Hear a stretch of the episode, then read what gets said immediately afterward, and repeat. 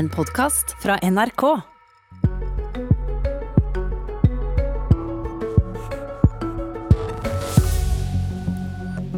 Kan han få påvirka politikk? Bjørnar Moxnes har hatt sitt første møte med kommende statsminister Støre, og vi spør han om hva muligheter han tror han har. Og han som var partileder i det som blir omtalt som den første miljøvalgkampen i 1989, er sterkt kritisk til at de sjølerklærte grønne partiene ikke klarte å utnytte at miljø for en gangs skyld var hovedsak.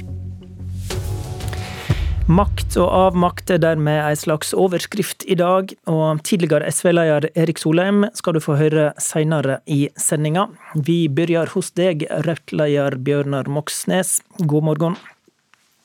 God morgen.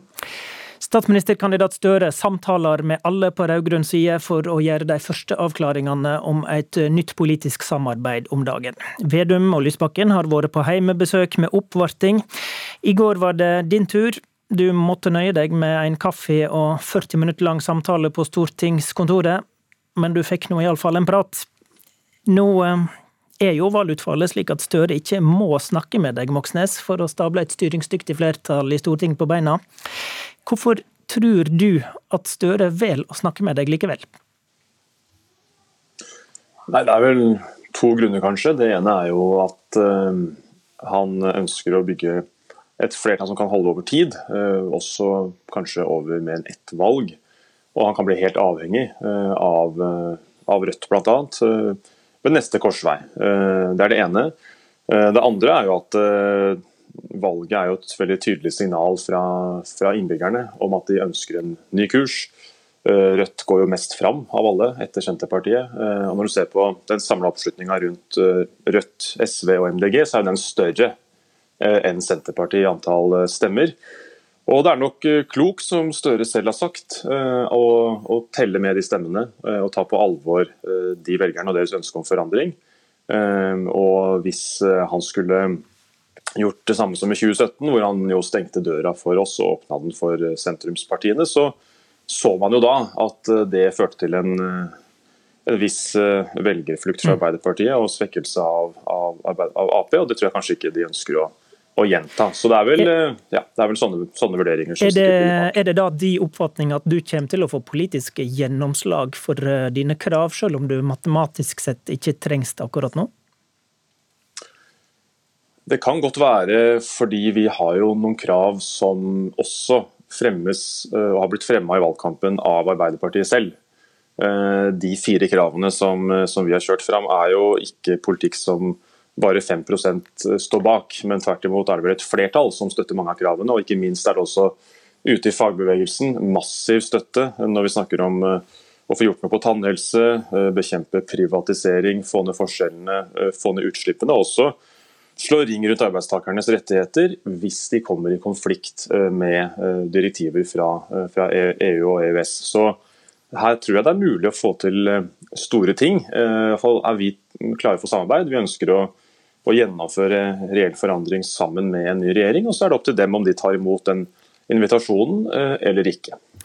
Det store strategiske spørsmålet i disse rundene akkurat nå er jo om det blir ei flertallsregjering med tre partier, SV, Senterpartiet og Ap, eller om det blir ei mindretallsregjering av Senterpartiet og Ap, som vil være avhengig av å forhandle mer politikk på Stortinget.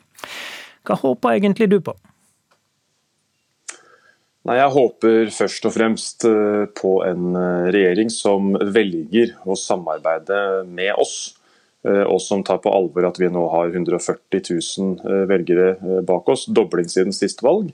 Eh, om det er en regjering med to eller tre partier, det får de eh, nesten finne ut av selv. Eh, jeg tenker at det er fullt mulig å samarbeide med en regjering som både bare har Arbeiderpartiet og Senterpartiet, og en regjering som har også SV i seg. Ja, er, det, er, det, irrelevant altså for hva, hva, som er mulig for deg? Jeg tror det er fullt mulig å få gjennomslag for profittfri velferd, f.eks. Eh, tannhelsereform eh, f.eks.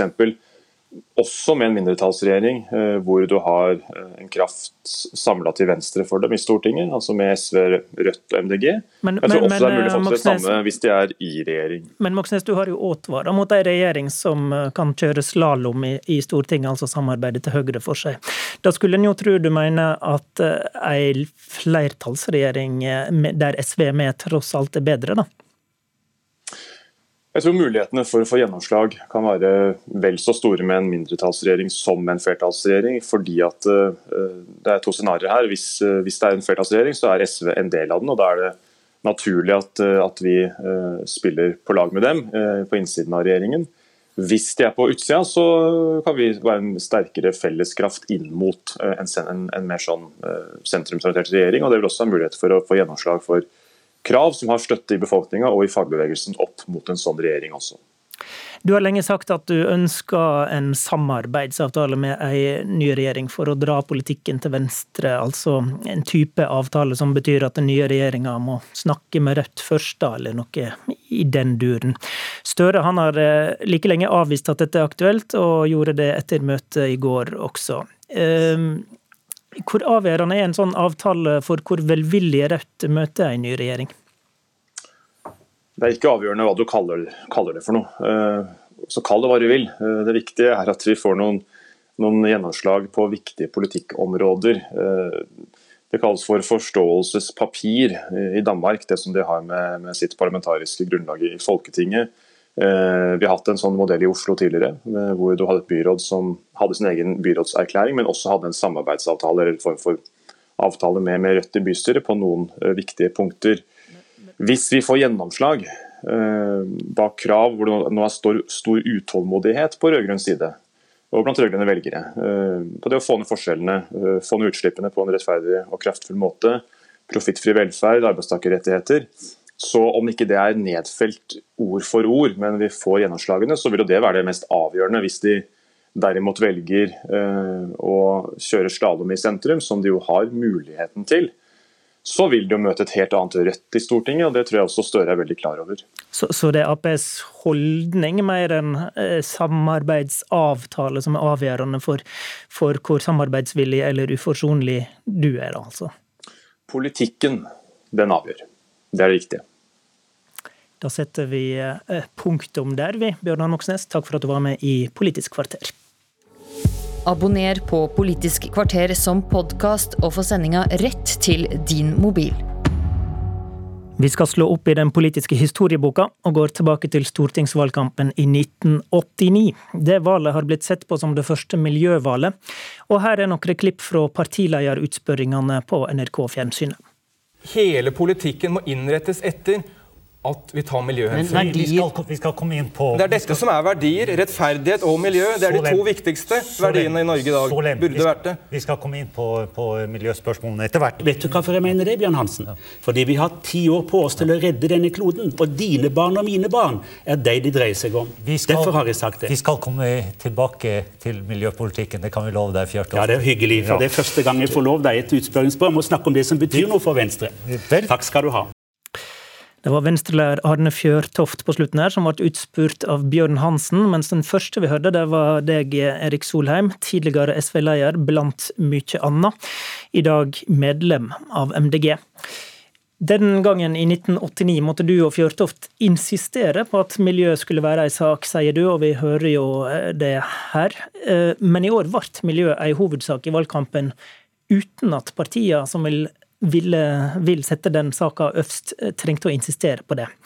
Hvordan ser du resultatene til Venstre, SV og ditt nåværende parti MDG i, i lys av dette? Det er jo veldig rart. I 1989, da vi kom til partilederdebatten, så skulle vi snakke i to timer, og miljø skulle ikke være en av de sakene, så jeg måtte insistere å avbryte programlederen for å få lov til å snakke om miljø. Så det er en enorm forskjell til i år, hvor miljø har vært hovedsaken i valgkampen. To ting har skjedd som jeg kan bedømme det. En veldig god og en ikke fullt så god. Den gode er at for første gang i norsk historie, alle partier, kanskje med et litt unntak for Frp, alle partier snakker nå om det grønne skiftet. Det bare, vi vet retningen nå, det er bare snakk om kraften og farten i å gjøre det. Det som ikke var fullt så oppmuntrende, var at de tre partiene som lanserte seg som miljøpartier, MDG, SV og Venstre, de gikk jo tilbake siden fylkestingsvalget i 2019. De gikk ikke fram. Og i samlet oppslutning hadde de litt mer enn Senterpartiet. Så de klarte da ikke å utnytte den situasjonen som dette miljøvalget var. Så ditt svar på det store spørsmålet mange har stilt, var dette et miljøvalg? Hva er det? Eh, det var absolutt et miljøvalg. Eh, og de miljøpartiene bør lære av de, det som ikke var så bra i denne valgkampen, for å kunne gå mye sterkere fram i 2025. Det er alltid sånn i politikken at gjør du en feil i ett valg, så lærer du av det, og så blir du mye sterkere neste gang. Og du mener disse tre har gjort to store feil. Eh, stikkordsmessig først, hva er det? Å vektlegge negativt miljøvern istedenfor alle vinn-vinn-mulighetene for miljø. Eh, og å snakke som om miljø først og fremst er noe for unge mennesker i byene, istedenfor noe som angår alle, og ikke minst er distriktene i Norge, de som kan tjene aller mest på et grønnere Norge. Vi tar det første først. Negativt miljøvern, hva er det? Ja, det blir altfor mye vekt på forbud, alt vi ikke skal gjøre, alt som det er galt å gjøre. Og, det var miljøvern i det 20. århundre. For da måtte vi Da, da satset jo alle land på rask økonomisk vekst, og de, og de, forurenset noe fryktelig. Og når man ble rik, så begynte man å rydde opp. Men det er det, det, er det 20. århundre. Eh, miljøet i det 21. århundre, det er alle vinn-vinn-mulighetene. Alt det vi kan gjøre som er bra for miljø, bra for folks helse og utdanning, og bra for arbeidsplasser og økonomi samtidig. Økoturisme, få folk til norske fjorder og til Lofoten. Bra for miljøet, bra for eh, økonomi og arbeidsplasser. Omstilling av landbruket, bra for distriktene. Et etisk norsk landbruk kan konkurrere bedre i verden. Og selvfølgelig alle de enormt mange arbeidsplassene vi kan få hvis vi omstiller oss fra olje til grønn hydrogen, til havvind og til solenergi og til de mange miljøvennlige løsningene som er der alle sammen nå. Og det er vinn-vinn-løsninger. Bra for økonomi og bra for miljøet. Men, men, partiet som du nå er medlem av, er jo kritisk til eh, stadig økonomisk vekst. Så, så, så mener du analysen egentlig er feil, da? Ja, jeg mener vi trenger økonomisk framgang. Eh, alle mennesker ønsker et bedre liv. Vi har en klode hvor fortsatt er en milliard mennesker i ekstrem fattigdom, så selvsagt må vi ha økonomisk framgang. Men det nye er at den kan foregå på en miljøvennlig måte. India, et av verdens fattigste land, har nå verdens billigste solenergi. Det er den billigste energi som har eksistert i verdenshistorien. Og da kan selvsagt at India har rask økonomisk framgang, får mange mennesker ut av fattigdom, samtidig som de tar bedre hensyn til moder jord. Og du mener Biden er et forbilde? Absolutt. Se på hva, hvordan Joe Biden håndterer klima og miljø i USA. og Det, det skulle vi lære av i Norge. Du hører han nesten aldri snakke om alle de skadelige sidene ved klimaendring. Og om havnivåstigning eller nedsmelting i Arktis eller, eh, eller eh, stormer og orkaner. Og Det er fordi han tar det for gitt at det vet amerikanerne. Og Dermed kan han konsentrere seg om alle mulighetene som ligger i å ta dette på alvor. Hvordan amerikansk bilindustri kan bli, eh, dominere verden hvis de legger om til elektriske biler. Eller hvordan USA kan bli verdens fornybare energinasjon gjennom eh, sol og vind. Dermed snakker han, om, han snakker konsekvent alltid om mulighetene. Og den store grønne planen han nettopp har lagt fram til Kongressen i USA, den heter America Jobs Plan. Men det er det grønneste dokumentet i Amerikas historie. Men er ikke alt det som ligger bak her, egentlig en ja, rett og slett faren for, for moder jord, for å si det sånn. da. Er ikke det litt rart å ikke skulle snakke om det negative i det hele tatt? Selvsagt skal man snakke om det negative, eh, og det er det nok av folk som gjør også. Forskere i media andre steder. Men politikerne må stå fram med de enorme mulighetene eh, folk har for et bedre liv. Tenk på alle mulighetene for Distrikts-Norge. Eh, Morrows det er en bedrift som vil lage batterifabrikk i Agder. Det blir 5000 arbeidsplasser bare som følge av denne batterifabrikken. 10 10 000 mennesker får da jobb, får da jobb og en framtid i Agder. Et av de områdene i Norge, Distrikts-Norge som trenger arbeidsplasser mest. Nesten alle de grønne arbeidsplassene i grønne skiftet kommer i Distrikts-Norge. De kommer ikke på Grünerløkka og Sankthanshaugen. La oss snakke om disse enorme mulighetene for Norge. Men det er sånn at Oslo-andelen av stemmene til MDG, SV og Venstre har vokst. Mener du det er deres egen feil? Jeg tror iallfall eh, disse partiene bør se på hvorfor de har så stor andel av velgerne sine i Oslo. MDG har en veldig høy andel av velgerne i Oslo, men også SV har en mye høyere andel av velgerne i Oslo enn i resten av Norge, enn hva, enn hva partiet hadde tidligere. Og Det kan kanskje komme av at man ikke har vektlagt nok alle de mulighetene som ligger for hele Norge eh, i det grønne skiftet. Tenk på hvordan Finnmark kan bli det stedet hvor pionerer elektriske fly. Tenk på hvordan elektriske ferger krysser fjorder i Norge.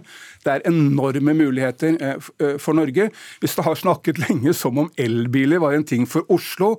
Elbiler er særlig velegnet for Distrikts-Norge, for der har nesten alle garasje, og elbilen kan stå og lade i garasjen hele natta. MDG bestemte i går at de skal granske sin egen valgkamp, og i samfunnsdebatten videre kommer det nok til å være flust av innspill à la dette du kom med nå. Takk til deg, Erik Solheim. Det var Politisk kvarter i dag. I studio, Håvard Grønli. Du har hørt en podkast fra NRK. Hør flere podkaster og din NRK-kanal i appen NRK Radio.